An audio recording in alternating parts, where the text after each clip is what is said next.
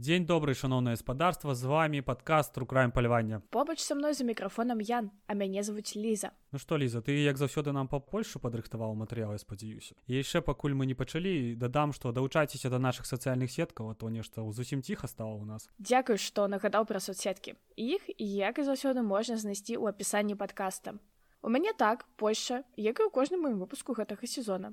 І сёння ў нас вельмі цікавая гісторыя, бо нецікавага я не раблю. Сапраўдная Санта-Барбара і неадназначныя вынікі. Усё тут у сённяшнім выпуску.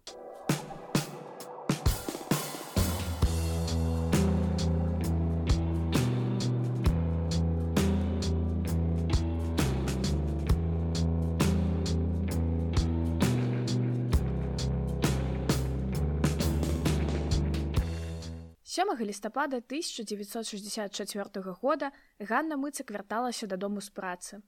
Яна працавала на адной з фабрык у катавіцах прыбіральшчыцай.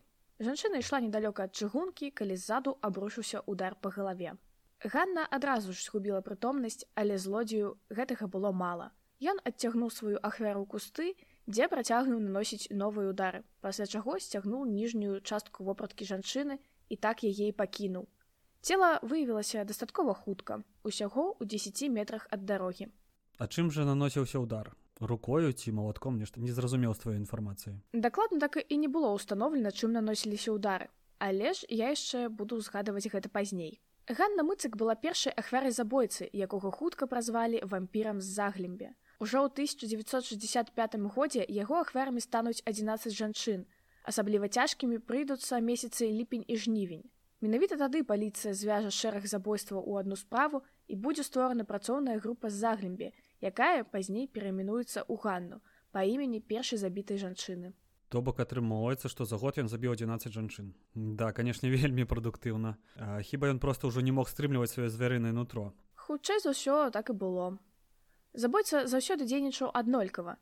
Ён накідваўся на жанчын са спіны, наносячы ім удар па галаве з левага боку цяжкім тупым прадметам, хутчэй за ўсё ломам ці жалезным прутам. Ён не спыняўся на адным удары, працягваючы збіваць ахвяру нават пасля таго, як тая згубіла прытомнасць. Напады здзяйсняліся на бакавых дарогах. У канцы вампір забіраў асабістыя рэчы і мог распануць ахвяру. пачакай то бок атрымоўваецца што фактаў некай некрафілі увогуле нейкіх сексуальных фетішаў не было так просто нейкая нянавісць да жанчынаў Атрымліваецца так, ніякіх садоў гвалту не было. У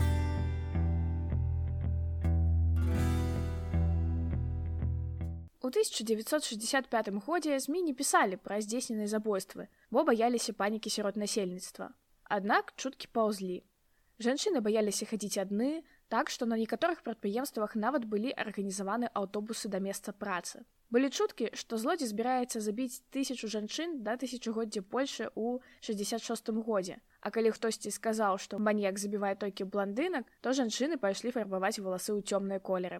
Магчыма, праз тое, што ў тыя часы забойства не апісваліся ў прэсе, да нас цяпер не дайшлі аніякія падрабязнасці нападаў.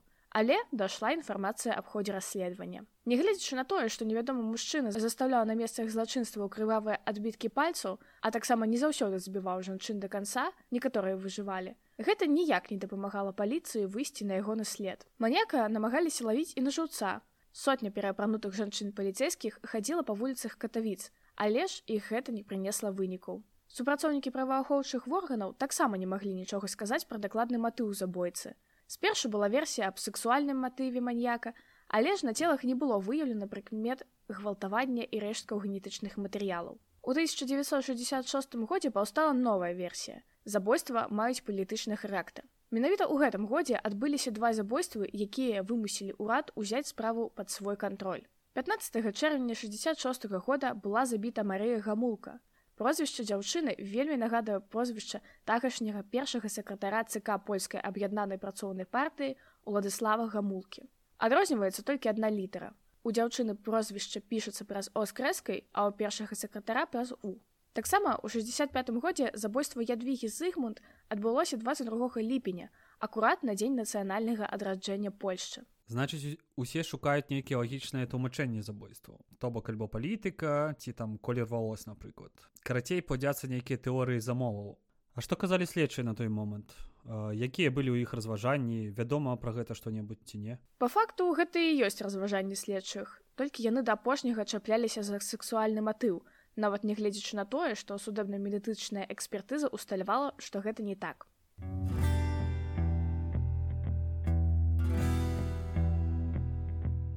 але ж не гэтыя забойствы выклікалі перапалох у паліцыі 11 лістапада 1966 года з ракі чорная прэмша побач з бензінам была дастана яланта герак племянніца эдварда герка палітычнага дзеяча і пераемніка уладыслава гамулкі нягледзячы на тое што сам эдвард герак племянніцу сваю не ведаў і нават мог не бачыць яе за ўсе 18 год жыцця дзяўчыны гэтае забойства ніяк не магло сысці з рук злачынцу расследаванне было ўзята пад самы высокі кантроль а забойца аб'яўлены ворагам нумар адзін і ў гэтым свеце забойствы марыі гамулкі і ядвігі зыгмунд набываюць іншыя адценні.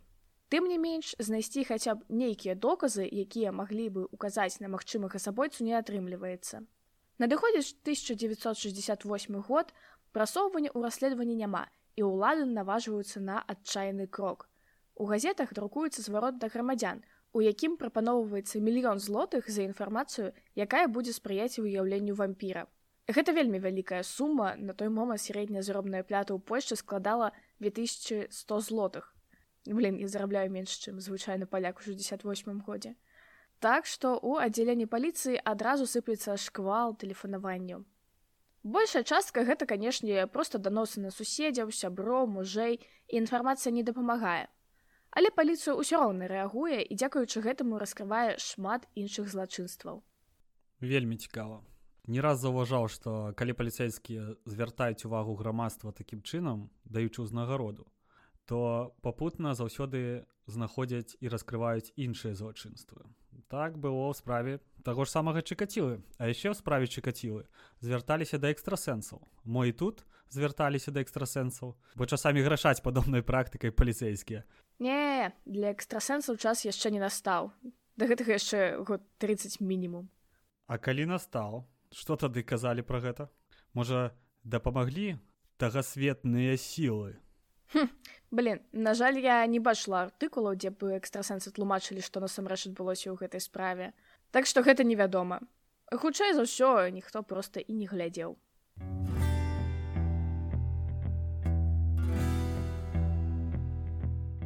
паліцыя вырашае звярнуцца да метадаў якія дагэтуль у сваёй працы яшчэ не выкарыстоўвалі Яны працягваюць да справы навукоўцаў і псіхолагаў і ствараюць так бы мовіць псіхалагічны партрэт забойцы. Працуючы каманда вылучае 483 характэрныя рысы і пачынае правяраць мужчын. Кажуць, што вынікі загружалі ў кампутар, які апрацоўваў інфармацыю і знаходзіў максімальнай адпаведнасці, але ж гэта не так. Усю працу выконвалі людзі. Апошняе забойства вампір з заглембі здзяйсняе 4 красавіка 1970 года і ахвярай становіцца ядвіга куцянка, вядомая вучоная доктарка філалёгіі і выкладчыцца ў катавіцкім універсітэце. На гэты раз следства выяўляю, што забойца дзейнічаў не адзін і гэта шанец зрушыць справу з мёртвай кропкі. Усяго за сваю серыю вампір забіў 14 жанчын, шасці атрымалася выжыць. Трэба нейкае падсумаванне правесці. Значыць, што мы маем на данный момант. Серыя з 1964 года по 1970. Агульная колькасць ахвяр 14 забітых і 6 спробаў забойства. Матывы толкам незразумелыя. А значыць, можна хіба нейкую лютую нянавісць да жанчынаў. Адметныя рысы забойства гэта удары нейкім цяжкім тупым прадметам гомам ці малатком ці яшчэ халера ведаючым. Сексуальнага падтэксту таксама няма. То бок гэта нейкі дзіўны маньяк і матывы яго пакуль мне зусім незразумелая так на жаль праз тое што зусім нічога невядома пра забойствы то і казаць асабліва няма чаго.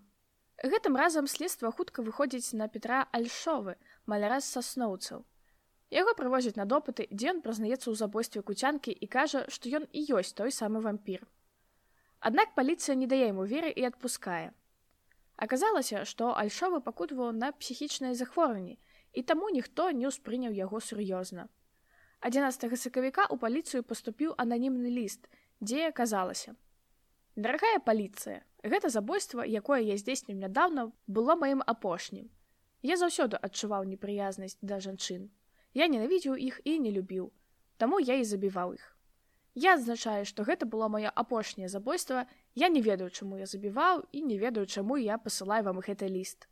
Магчыма, прычынай гэтага з'яўляецца маё меркаванае псіхічнае захворванне. Я думаю, што ў хуткім часе са мной здарыцца нешта, што адправіць мяне ў той свет. Мне шкада вас у двукосях дарагая паліцыя, якая пераследавала мяне дарэмна некалькі гадоў. З у двукосях павагай вампір. Праз тое, што ліст быў ананімным, яго не ўспрынялі сур'ёзна. Хм, а вось мяне ліст вельмі зацікавіў. Бо вельмі часта серыйныя забойцы пішуць да паліцэйскіх. Так сказаць, падкрэсліваючы сваё верхавенства над сілавікамі. Адразу ўспамінаецца задыяк, коды якога да сих пор спрабуюць расшыфраваць, каб даведацца яго адсову. Ці BTK, які загадарыўся аж так, што высаў дыск по якому яго і злавілі. Але гэта зусім іншая гісторыя. Звычайна так яны прыцягваюць увагу да сябе. Вельмі часта такія лісты нібыта заклікаюць каб іх хутчэй злавілі. А тут хутчэй нешта падобнае на развітанне. Ну можна сказаць што гэта развітанне і было бо пасля гэтага забойства серыя спынілася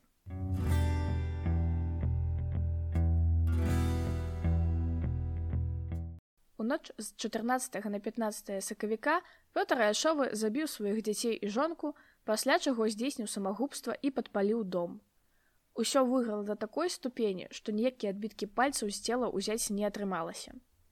Потым следства высветліць, што Альшова кіраваў машынай, што магло бы спрыяць забойцу ўцёк з месца злачынства. Крыве дахвяр заставалася шмат, і забойца проста не мог ехаць дадому ў той самай вопратцы, у якой і забіваў. І тут яму магло дапамагчы або сменнае адзенне або машына. Таксама ў дзень забойства ядвігі куцянкі Альшова знаходзіўся недалёка ад месца забойства на імянінах сваёй пляменніцы.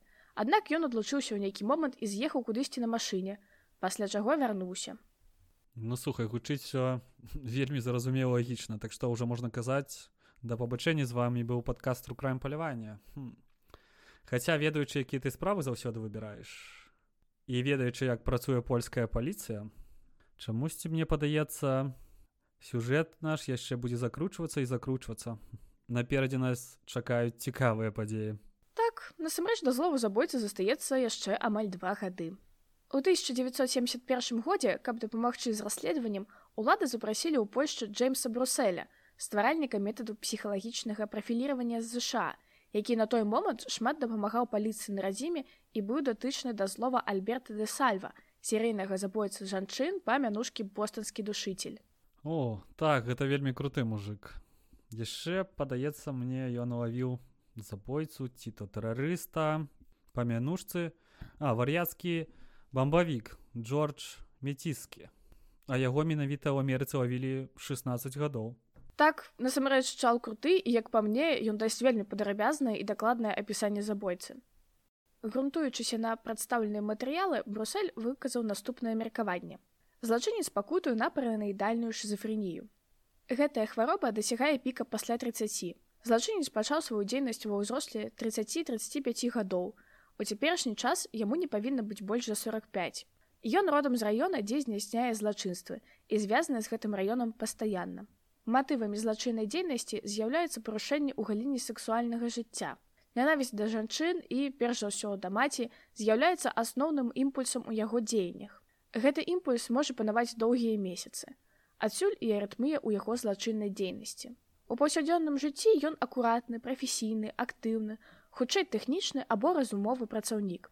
На працоўным месцы ускладзены на яго задачы ён выконвае правільна, Аднак ён індывідуаліст і хоча выконваць задачу самастойна. Ён мае па меншай меры сярэднюю адукацыю, акрамя таго прыроджаны інтэлект, не ўступае і не падтрымлівае грамадскіх адносін. Нарадці ён праходзіць у крымінальных сводках паліцыі. Ён не алкаголік і, верагодна, таксама не паліць тытунь. Хутчэй за ўсё леўша. Улічваючы вагу некаторых ахвяр і адлегласць, на якую іх адцягвалі, злачынец павінен валодаць больш, чым сярэдняй сілай, На такую выснову таксама ўказвае сіла, з якой ён наносіла ўдары. Як паранаідальны тып ён дакладна ў сваіх дзеяннях, асцярожны, старанна плануе свае дзеянні. Ён трымаецца далей ад людзей, як мужчын, так і жанчын. Яго лісты паказваюць, што ён мае сярэднюю ці вышэйшую адукацыю, магчыма, тэхнічнага характару. Шырыню прылады забойства можна вызначыць па шырыні ран, якія складалі 12 мм. Калі выказаць здагадку, што для ўтрымання інструмента ў руцэ патрабавалася 15 сантиметраў, то цалкам інструмент павінен мець даўжыню не менш за 45. Злачынец павінен быў дзесьці прачытаць або даведацца, што скронева-патылічная вобласць чэрапа самая тонкая, найбольш адчувальная да пералому з усіх чарапных костак, Таму што ён ударае сваіх ахвер у першую чаргу па гэтым месцы. Як паранаідальны тып, ён планаваў свае дзеянні да найменшых падрабязнасцяў, не выключае непрадбачных абставін. Ну слухай, цяпер у меня пытанне пра Пятра Альшова. Што ўвогуле вядома пра яго біяграфію, якая адукацыя, якія стасункі з маці ці грамадствам. Усё па спісе Бруселя. Ці падыходзіць Пётр пад гэта апісанне ўвогуле. Ну не проста ж так ты узгадала гэтую справу цікавую. На жаль, пра альшоў увогуле нічога не вядома. Занадта хутка ён забіў сябе і сям'ю. Ды і паліцыі мне зацікавілася. Ну так, паліцыя не зацікавілася, але ты яго ўзгадала. То бок ёсць нейкая верагоднасць, што гэта дакладна можа быць вампір. Ты так лічыш? Ну, дакладна мы ўжо ні пра што цяпер казаць не можам. Але так, я лічу, што ён насамрэч мог бы быць вампірам. Некаторыя паліцэйскія з групы Ганна ў гэтым са мной згодны.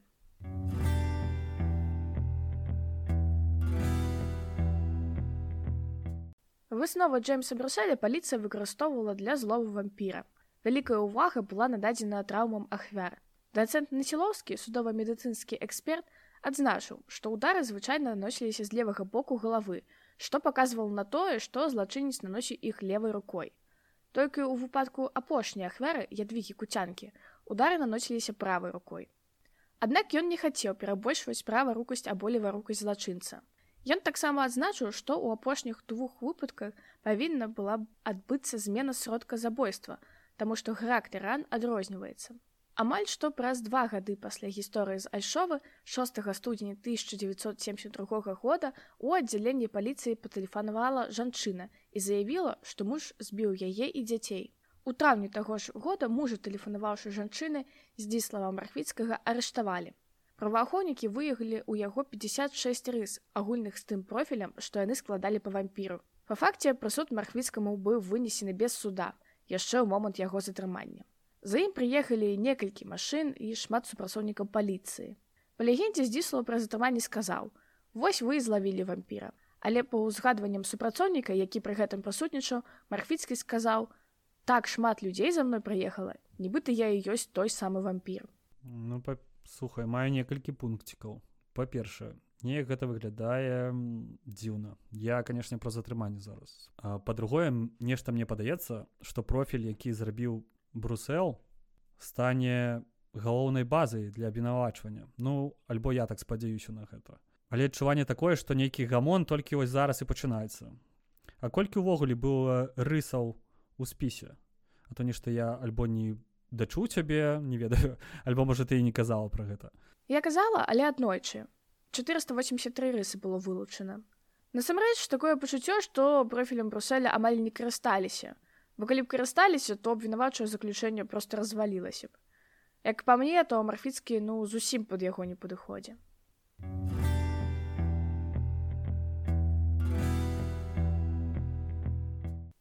марфіцкі на допытах сваё дачыненне да забойства адмаўляў што дарэчы вельмі неўласцівы серыйным забойцам ён мог расказаць пра забойства не больш чым звычайныя людзі Пра забойства ядвігі куцянкі расказалі па тэлебачанні. Паведамленне было перададзена ў перапынку трансляцыі футбольнага матчу.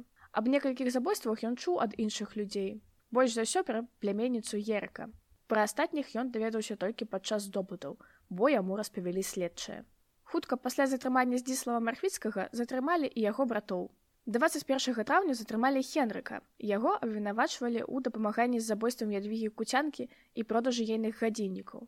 Праз тры дні арыштавалі яшчэ аднаго брата Яна. Па версіі абвінавачвання ён быў загадчыкам у апошнім забойстве. Справа ў тым, што Ян працаваў у тым самым універсітэце, што і забітая жанчына. Ён быў там супрацоўнікам адміністрацыі юрыдычнага факультэта. Ядвіка даведалася, што мархвіцкі бярэ хабары, а яшчэ ягоная арыентацыя кідае цень на ўсю навучальную установу.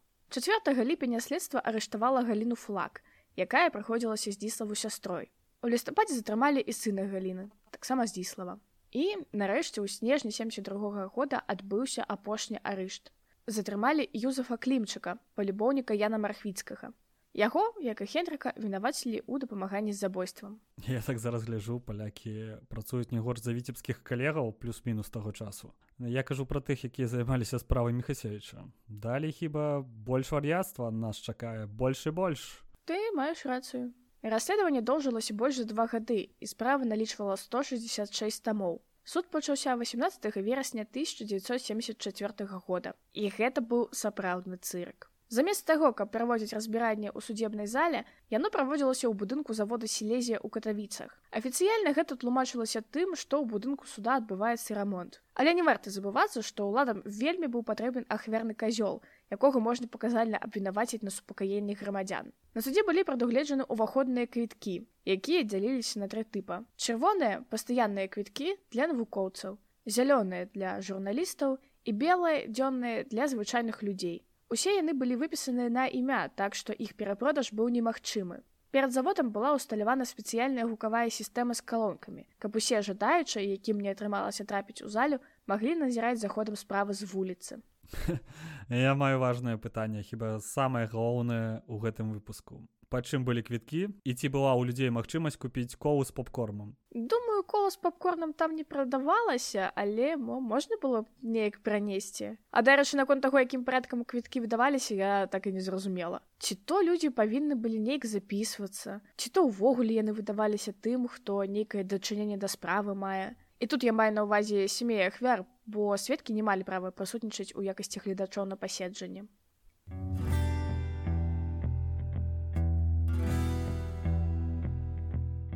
СМ, якія асвятлялі справу яшчэ да пачатку суда пачалі пісаць аб здзіславе мархвіцкам выключна як аб ужо асуджаным чалавеке. За некалькі дзён да судовага разбору быў створаны вобраз забойцы, выключна жорсткага, хітрага, дзеючага па сексуальных матывах. Суддзя Охман, працуючы над справы, узгадваў, што калі яго папрасілі судзіць мархвіцкіх, то на яго стол лягло 140 тамоў і абвінаваўчае заключэнне. Усяго шасці падсудным было прад'яўлена 40 абвінавачванняў. 23 атрымаў здзіслава мархвіцкі 20 тычыліся забойства або замаху на забойства. Іншыя абвінавачванні тычыліся жорсткага абыходжання з жонкай і дзецьмі крадзежа і абразу супрацоўнікаў паліцыі. Яго брат ян мархвіцкі раней быў асуджаны тройчы. За ўдзел у арганізаванай злачыннай групе якая займаецца незаходным гандлем валютай прасуд 4 гады і 6 месяцаў пазбаўлення волі. За атрыманне хабраў на суму ў мільён злотых 12 гадоў за гэта атрымаў і 250 тысяч штрафу і за незаконную пячатку рэлігійных матэрыялаў.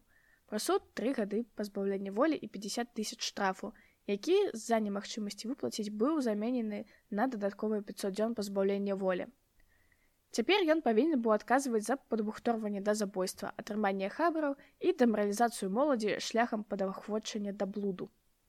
Раней ён вучыўся ў малой семінарыі ў познані, а затым амаль тры гады ў вышэйшай семінары ў кракаве, перш чым быў выключаны з семінарыі з-за гомасексуальнай схільнасці. Трэця з братоў махвіцкіх Хенры павінен быў удзельнічаць у падрыхтоўцы забойства апошняй ахвяры, а затым размываць сляды і ўводзіць узман праваахоўныя ворганы. Падобныя абвінавачванні былі прад'яўлены Юзафу клімчыку. Галіне флаг сястры братоў мархвіцкіх выстаўлена абвінавачванне ў вымагальніцтве бальнічнага ліста і атрыманне ад брата прадметаў належачых ахвярам. Яна павінна была зразумець, адкуль яны прыйшлі. Апошнім абвінавачаным быў сын галіны здзіслаў. Яму было пад'яўлена абвінавачанне ў крадзежы аўтазапчастак на суму 9000 злотых. Воу-воу, цэлую арганізаваную злачынную групу прыдумалі. Сухай ба сказаць, што іх злавілі, язык у мяне не павернецца, канешне. Ввогуле пасля справы Мехасевіча мой скепціс да праваахоўнікаў таго часу, расце з кожным эпізодам. У мяне ў асноўным такога няма, але ж гэтая справа. Нарэчы фан-факт. Усё, што ты можаш знайсці зараз па марфіцкаму, кнігі, фільмы, дакументалкі, у гэтым усім буду сумнявацца наконт таго, што ён насамрэч быў забойцам.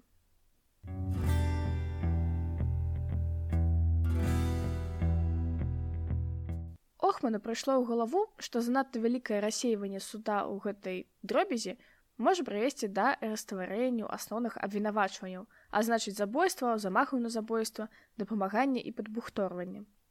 На яго думку, у дачыненні да юзавага клімчака галіны і здзіслава флаг неабходна было рэалізаваць асобнае разбіральніцтва.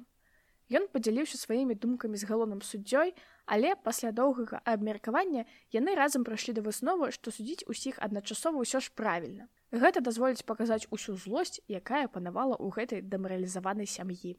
Па дакументах складалася, што перад судом мусіць паўстаць больш за 500 чалавек. Гэта стварала праблему з пратакаліраваннем, так што было прынята чарговае беспрэцэдэнтнае рашэнне. Ход суда будзе запісвацца на магнітафон, пасля перапісвацца і з тыднёвай затрымкай дахадзіць да суддзі.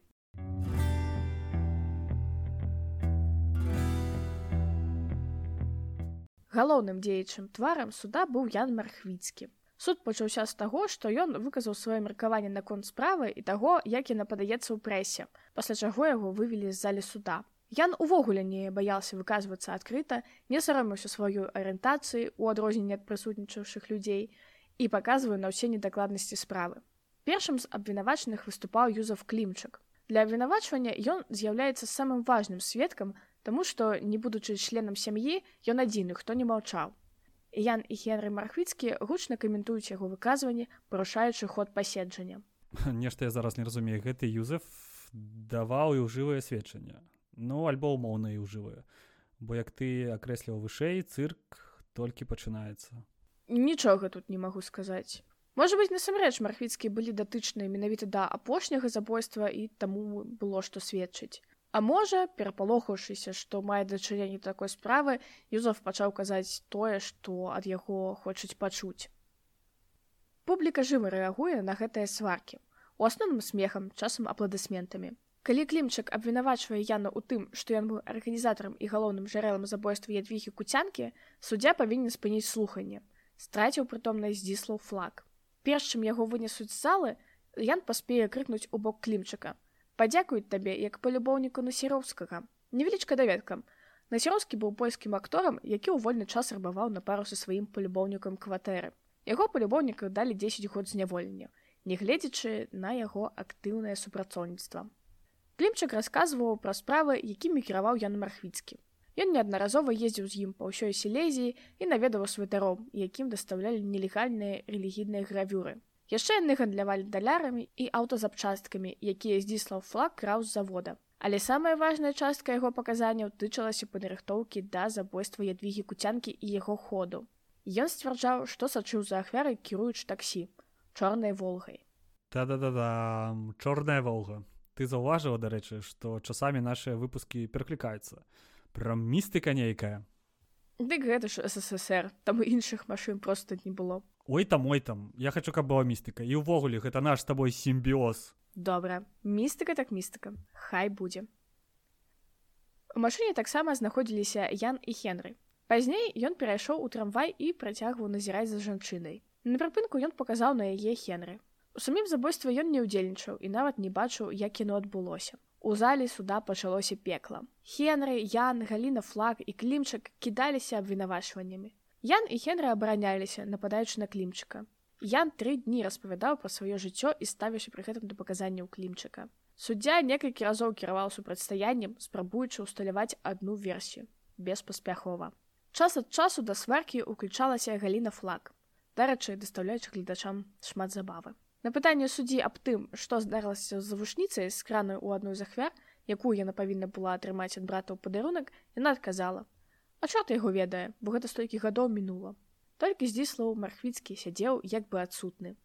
Але 21 лістапада 1974 года ён нарэшце пачаў размаўляць. Пачалося з таго, што суддзя запытаў, ці ведае здзіслаў, у чым яго вінаваціць і ці прызнае гэта. Ён адмовіўся ў 21 абвінавачванні, пагадзіўся толькі з тым, што краў металолом з працы і мог абразіць паліцейскіх праз утрыманне. Ён заявіў, што адмовіўся прыняць абвінаваўчае заключэнне, таму што адчувае сябе невінаватым. Охман нагадвае, што абвінавачаны прызнаўся падчас следства. Здзіслаў патлумачыў, што следчыя падчас дапросу часта пісалі не тое, аб чым ён апавядаў, а падпісваў пратаколы будрана чытае, а там яшчэ і шмат папер, заўпэўніваючы, што ўсё сказанае пра яго хлусня, Мархвіцкі пачынае расказ. Сярод братоў і сясцёр мархвіцкіх самай старэйшай была галіна. Потым нарадзіўся ён здзіслаў 18 кастрычніка 1927 года. Маці памерла праз некалькі дзён пасля нараджэння Яна і яго аддалі на выхаванне ў іншую сям'ю. Здзіслаў і галіна засталіся з бацькам юзуфам. Як шахцёр ён нядрэнна зарабляў і хутка знайшоў сабе новую жонку.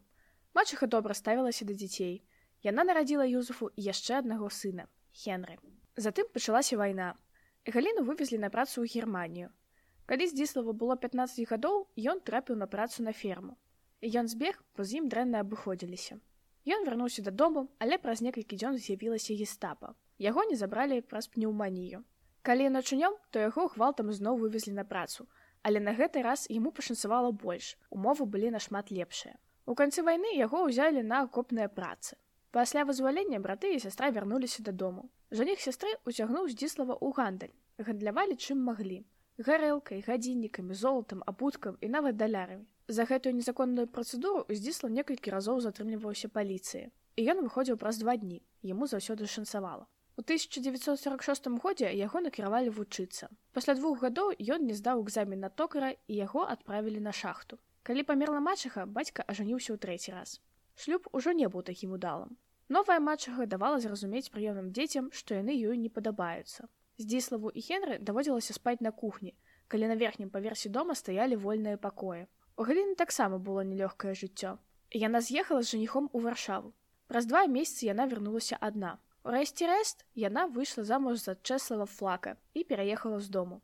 Неўзабаве жыў у яе здзіслаў, а Хенры ў інтэрнаце металургічнай школы. Там жа Хенры пазнаёміўся з прыбіральшыцай флорэнцінай, Яна запрасіла яго ў дом і прадставіла сваю дачку. У 1950 годзе Хенры з дачкой флорэнціны пажаніліся. Неўзабаве на свет з'явілася іх дачка. Паміж Хенры і жонкай часта здараліся сваркі. Праз некаторы час Хенры сышоў ад яе і пасяліўся ў бацькі. Жонка праходзіла, абяцала, што будзе лепш, угаворвала вярнуцца. Урэшце рэст ён здаўся, але пасля смерці двухгадовай дачкі яны зноў рассталіся. Тады Хенры трапіў у турму, а жонка страціла кватэру.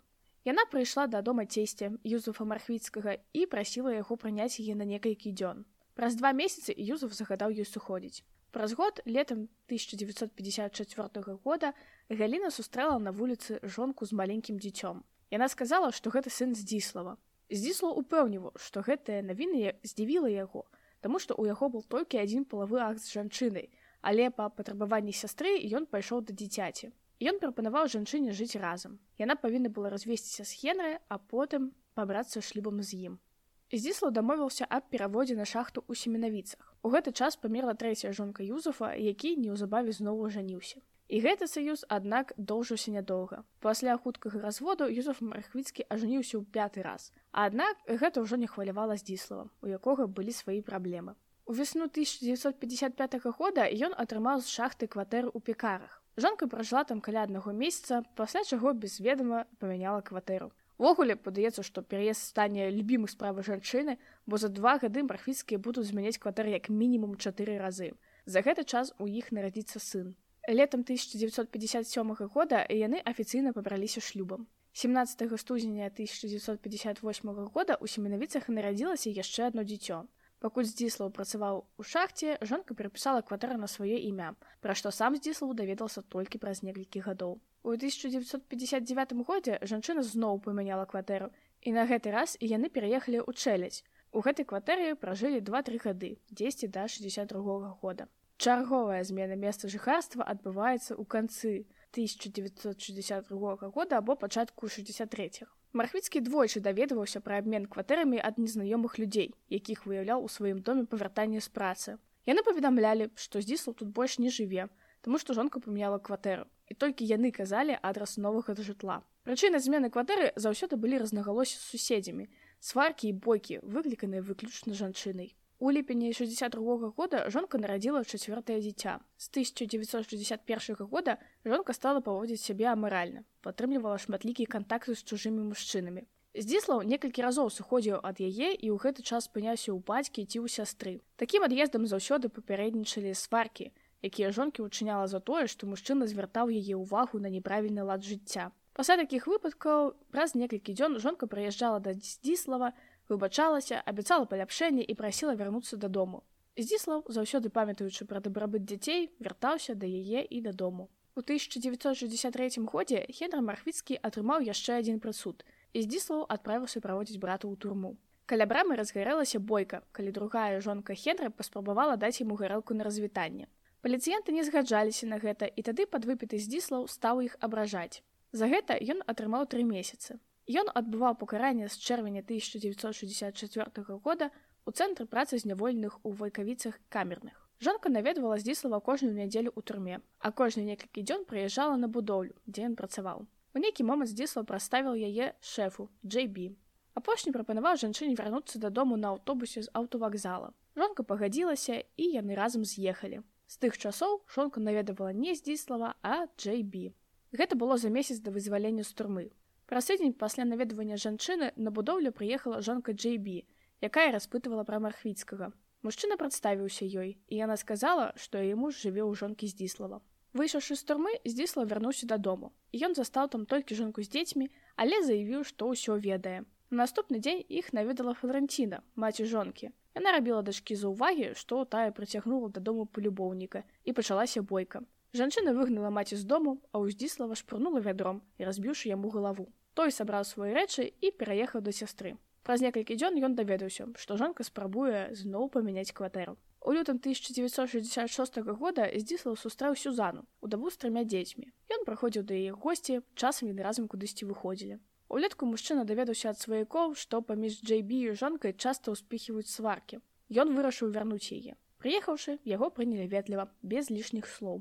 Здзіслаў надоўга там не затрымаўся, але падтрымліваў адносіны з жанчынай і дзецьмі. У 1967 годзе мужчына рэгулярна пісаў лісты жонцы, спадзяючыся, што яна вернецца. Яго не турбавала нават тое, што яна нарадзіла джейбі дваіх дзяцей. Жонка нечакана з'явілася ў жніўні таго ж года ў працоўным гатэлі, дзе жыў мархвіцкі. Яна заявіла, што больш не з джейбі.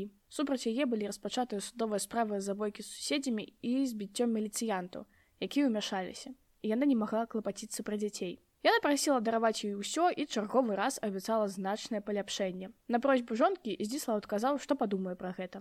На другі дзень жонка зноў прыйшла і сказала, што яе маці выгнала яе разам з дзецьмі з дому. Па словах мархвіцкага у той момант жанчына змясціла ўсіх дзяцей у дзіцячы дом, акрамя малодшага сына. Ён застаўся ў сваякоў.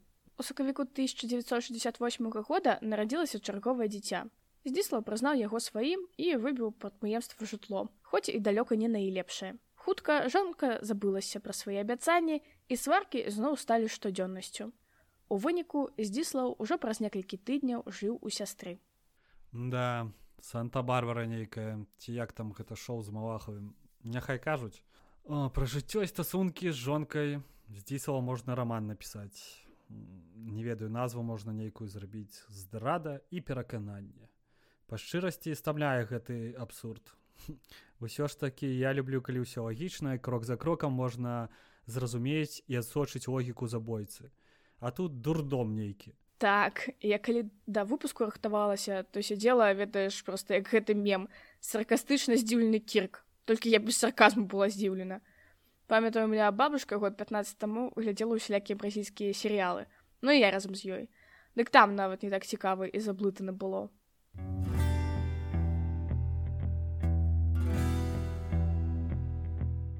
У лістападзе 1971 года падчас бойкі ўмяшалася паліцыя. Жанчына сказала, што яе збіў муж.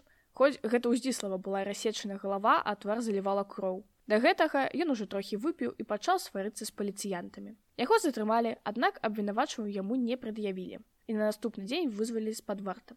Ён вярнуўся дадому, забраў свае рэчы і назаўсёды з'ехаў да сястры. Калі ён прыйшоў на працу 6 студзеня 1972 года да яго падышлі два супрацоўніка паліцыі.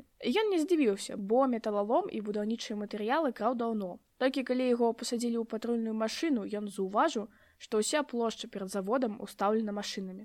Паказанні здзіслава мархвіцкага выклікаюць відавочную занепакоенасць у зале суда. Некаторыя гледачы, здаецца, спачуваюць яму. Ён не падобны на монстра. Наадварот, хутчэй на ахвяру. У той жа час прэса паклапацілася, каб чытачы не сумняваліся. Яны даказвалі, што мархвіцкі цынічны забойцы, які спрабуе любой цаной пазбегнуць адказнасці. За ўсім гэтым ток-шоу не губляецца сутнасць суду. Якія доказы па забойствах, прызнанні, агаворы адзін аднаго ды спіс бруселя ці я яшчэ нешта не заўважыў ёсць яшчэ сведкі але яны так сведчаць но мы да гэтага яшчэ дойдзем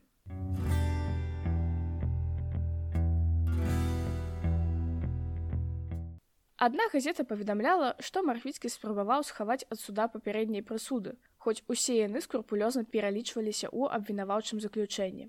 Штотыднёвік на службе нацыі вельмі не двухсусонна апісваў характар галоўнага абвінавачнага.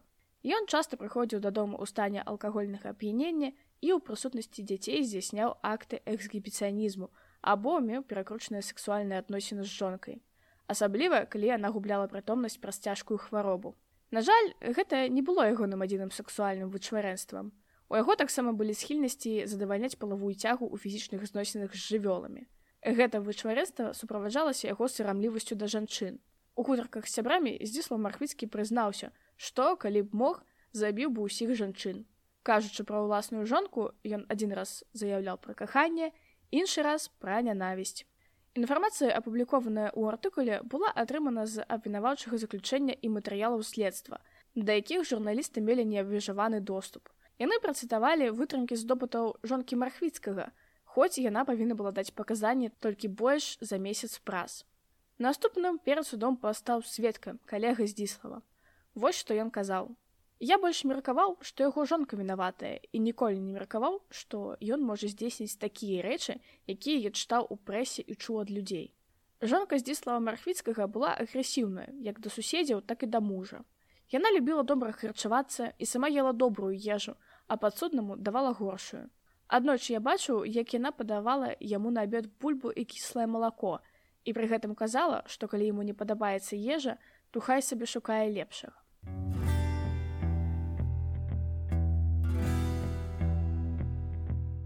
У канцы студзеня жонка паўстане перад судом. Яе паказанні настолькі хаатычныя, што цяжка што-небудзь зразумець. Калі яна пачынае фразу, то кажа пра Хенры, калі заканчвае ўжо пра здзіслава. Пры гэтым скачу ў часе на некалькі гадоў. Па версіі жонкі мархвіцкага яе першы муж Хенры быў алкаголікам, авантурнікам і злачынцам. Пасля вяселля яна заспела яго ў ложку за сваёй маці. Яна абвінаваціла яго ў смерці іх дачкі, нібыта збітай падчас сямейнага канфлікта. Дзіця памерла праз два тыдні і лекары назвалі менінгіт прычынай смерці, каб нібыта пазмехнуць непрыемнасцю. Калі Хенры адбываў турэмны тэрмін, здзіслаў згвалціў яе. Яна зацяжарыла, таму дзеля дзіцяці засталася з катам. Здзіслаў, як і брат, злоўжываў алкаголем, хуліганіў, здзеквалася над ёй і над дзецьмі. Праз некалькі гадоў ёй было дастаткова. Яна збегла з сябрам Джеймбі ў Лемберг. Суддзя не распытывае пра падрабязнасці гэтага сяброўства. На разрыву адносін з Джейбі прывёў здзіслаў. Ён пісаў даносы ў суд і іншыя установы, ачарняючы яе і і абвінавачваючы ў распадзе сям'і. Джейбі, баючыся, што яго асудзяць, збег, забраўшы дваіх сваіх дзяцей. Жонка наўрад ці ўзгадывае, што суд пазбавіў яе бацькоўскіх правоў, а ўсіх дзяцей змясціў у дзіцячы дом. Калі яна вярнулася да здзіслава, на кароткі час усё ішло добра. Пазней ён зноў пачаў пець, забіваў і гвалтаваў яе, як і раней перш чым яна ўцякла ад яго а мне чамусьці падаецца дзіўнымі і яе паказанні і паводзіны на суде нібыта яна спецыяльна пагаршае судовае становішча здзісала нібыта гэта халодная жаночая помста. Я думаю там не помста. Па расказу здзіслава ён ну не той каб зусім дрэнным у стасунках быў пайшоў жонку вяртаць пасля джейбі нават гатову яго дзяцей як сваіх прыняць тут хутчэй жанчыны былі нейкія псіхічныя захворванні або не я не бяруся гэта сцвярджаць мо такія асаблівасці выхавання што прымушалі яе паводзіць сябе менавіта так а не інакш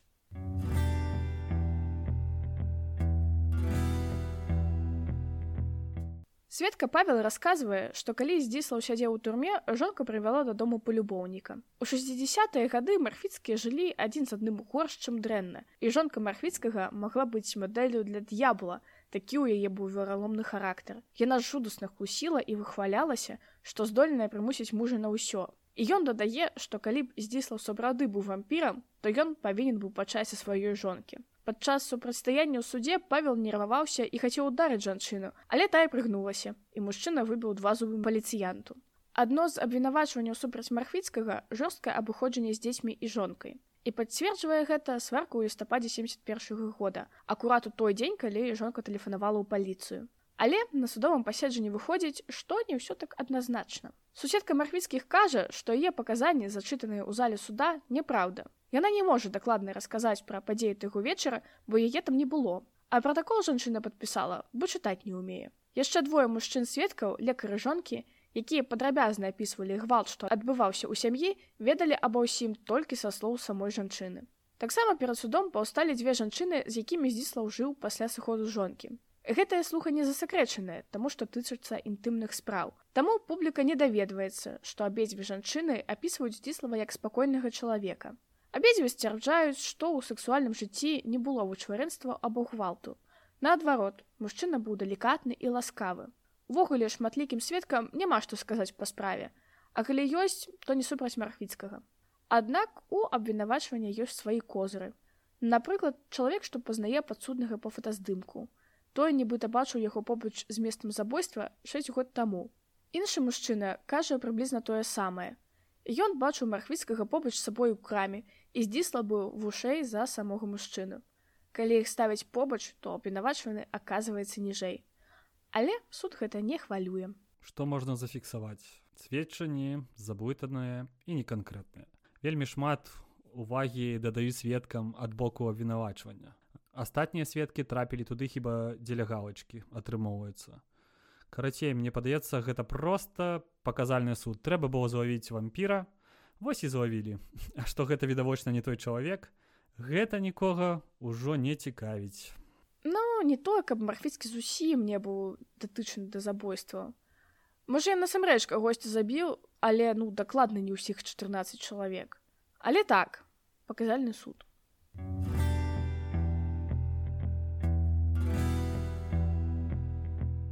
Ян Мархвіцкі быў адзіным з падсудных, які меў вышэйшую адукацыю. Ён быў начытаны і з выключнай свабодай цытаваў літаратуру, успамінаючы маляўнічае, хоць для гледачоў часта незразумелыя метафоры. Публіка з нецярпеннем чакала яго выступу. Пасля кароткага ўступлення я звычайна пераходзіў да атакі, форма якой была блізкая да сённяшніх ток-шоу. Але ў тыя дні марфіцкі шакаваў. І ён без ваганняў парашаў усе табу, асабліва ў дачыненні да сексуальнай арыентацыі. 3 сакавіка 1975 года Светка Генрах, былы студэнт юрыдычнага факультэта селецкага універсітэта, дае паказанні аб кантактах з Яным Мархвіцкім. І ён сцвярджае, што той заспеў яго знянацку і хацеў дамагчыся палавога акту. Аднак светку ўдалося выбрацца з пасткі і нічога не адбылося. Ян Мархвіцкі запомніў гэту сітуацыю зусім па-іншаму. Пісьмовая праца, напісаная Генрыхам, не была лепшай. Я ясна сказаў яму гэта.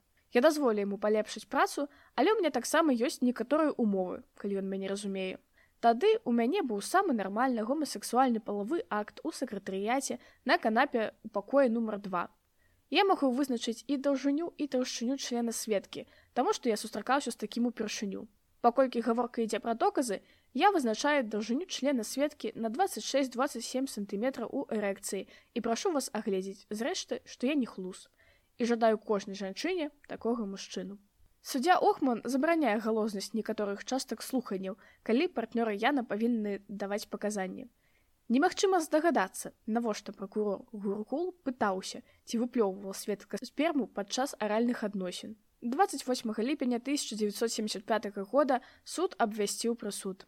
Здзіслаў і Ян былі прысуджаныя да смяротнага пакарання. Хенры да 25 гадоў. Падчас знаходжання ў турме паліцыя пераследавала сям'ю Хенры, патрабуючы разводу з жонкай і змены імя, пагражаючы яму тым, што дзяцей змесціць у дзіцячы дом. Падчас знаходжання ў турме ён пачаў барацьбу за апраўданне сябе і братоў ад абвінавачванняў і працягнуў яе пасля вызвалення. Выйшаў з турмы ў лістападзе 1992 года. У 1998 годзе ён памер пры загадкавых абставінах. Афіцыйнай прычынай яго смерці стала падзенне з лесвіцы. Хен разваліўся з лесвіцы і зламаў хрыбетнік. Ён устаў, вярнуўся на першы паверх, лёг спаць і памёр. Ускрыццё показала, што ён быў п'яным. Расследаванне па гэтай справе было спынена. Юзаф Клімчак быў прысуджаны да 12 год пазбаўлення волі. Вызвалены ў лютым 82 года з-за недахопу месцу ў турмах для інтэрнаваных. Ён жыў у вялікім горадзе на поўначы Польшчы. Ён ажаніўся і ў яго ёсць дзіця. З матэрыялаў ІПН відаць, што служба бяспекі не забылася пра яго і, шантажуючы яго раскрыццём мінулага, завербавала яго для супрацоўніцтва пад псеўданімам ясчуб. За час супрацоўніцтва ён аднойчы аб чымсьці пасведчыў, а затым катэгарычна адмовіўся ад дальнейшага супрацоўніцтва. Галіна флаг і яе сын здзіслаў атрымалі чатыры гады. Вярхоўны суд скараціў гэты тэрмін да трох гадоў галіне і 32 месяцаў здзіславу. У 21.00 26 красавіка 1977 года здзіслаў марфіцкі быў павешаны ў спецыяльна абсталяваным паліцейскім гаражы ў катавіцах. Праз гадзіну пасля пакарання брата на шыбеніцу ўзышоў і ян. Абодва пахаваныя ў безыменных магілах на спецыяльных могілках для пакараных польскіх злачынцаў. Магіла здзіслава мархвіцкага пад нумаром 39 знаходзілася побач з магілай іншага польскага серійнага забойцы Богдана Арнольда. У 1997 годзе пасля канчатковай адмены смяротнага пакарання ў Польшчы могілкі былі знішчаныя па ўказе прэзідэнта краіны. Насамрэч шмат хто сумняваўся ў тым, што здзіслаў мархвіцкі насамрэч быў тым самым вампірам з заглембе, нават афіцеры з групы Ганна. Адбіткі пальцу махвіцкага не супадалі з тымі, якія былі на ахвярах. Не заўсёды можна было пацвердзіць або абвергнуць алібі. У большасці выпадкаў не было спосабу праверыць гэта. Большую частку часу расследаваннем справы вампіра кіраваў прокурор лешак паланскі. Менавіта ён удзельнічаў у сустрэчах з навукоўцамі ў 1970 годзе і ставіў першае абвінавачанне здзіславу мархвіцкаму. Але ў кнізе гражыны старзак і ў дакументальным фільме я забойца у 98 годзе паланскі прызнаў што па меры дальнейшых арыштаў допытаў і праверкі доказаў ён меркаваў што здзіслаў не можа быць вампірам. Адразу пасля арышту здавалася што адзіны чалавек перакананы ў віне здзіслава быў падпалкоўнік ежы груба што кіраваў ганнай. У яго намесніка збегнева гагарца было іншае меркаванне Праз гады ён расказаў, што падчас таварыскай сустрэчы за гарэлкай ён заявіў у прысутнасці пракурора паланскага, што доказы сфабрыкаваныя. Яго сумневы тычыліся перш за ўсё паказанняў жонкі. З таго, што яна казала, было відаць, што яна магла наўмысна абпаклёпіць мужа. Акрамя таго, яна не была ахвяры хатняга гвалту, хутчэй наадварот. Варта таксама звярнуць увагу на яе мінулае. Канфлікты, да якіх яна была датычна, прымусілі яе змяніць месца жыхарства цэлых 14 разоў. Яна была асуджаная за пабой і пагрозы, у тым ліку ў дачыненні да супрацоўнікаў паліцыі. Праз халатнасць яе пазбавілі бацькоўскіх правоў. Цікава, што ў справе ні слова пра гэта не згадывалася. Падчас слуханняў суддзя Охман успрымаў яе словы без разбору і нават спачувальна слухаў, як яна адлюстроўвала сябе ў ролі ахвяры мужа садыста. Для гагарца абсурдным быў тэзіс аб тым, што забойцы можуць узяць на сябе адказнасць за заказное забойства. Такі выпадак стаў быў прэцэдэнтам у сусветнай крыміналістыцы. Калі выказаць дагадку, што здзіславу здзяйсняў забойства ядвігі куцянкі па даручэнні Яна, то гэта факт выключаў магчымасць таго, што ён быў серыйным забойцам. І яшчэ раны, нанесеныя з левага боку галавы, якія даказваюць, што забойцы былі ўшой. Марфіцкі быў праўшой. Асобным пытаннем былі допыты здзіслава марфіцкага. Серыйныя забойцы звычайна прызнаюць сваю віну і падрабязна расказваюць пра свае ўчынкі. Тым часам марфіцкі адмаўляў усё. Так, ён ведаў пра забойстве, але не больш, чым іншыя. Астатнія падрабязнасці ён павінен быў пачуць падчас следства. Занадта шмат напісана ў абвінавачваннях, якія ён пачуў. Ён таксама заявіў, што пра забойства яму расказалі аператыўнікі. Гісторыя ўражвае сваім абсурдам хіба. Цалкам згодны з меркаваннем збігнева гагарца. Слабыя доказы, да якія там доказы проста груда нейкіх слоў, якія адлюстроўваюць зацікаўленасць толькі следства, каб здзейсніць пакаранне хоць над кімсьці по гэтай справе. Гісторыя так пачыналася па-сапраўднаму па-туркраймаўскі запыт прафайлер ЗША пошук хоць нейкіх зачэпак а потым рэаліці шоу няхай кажуць. І чым далей тым все маркотней і маркотней. Цалкам згодна з табой і мне нават няма чаго дадаць. Так што я буду развітвацца. Дякую сябры што былі сёння з намі. Яшчэ раз нагадваю пра падпіску на соцсеткі ад мяне падзяка каналу мелагучна за мікрафон але не шчырая. Праз трэскі мне зноў прыйшлося перазапісваць выпуск. Артём что ты мне даў?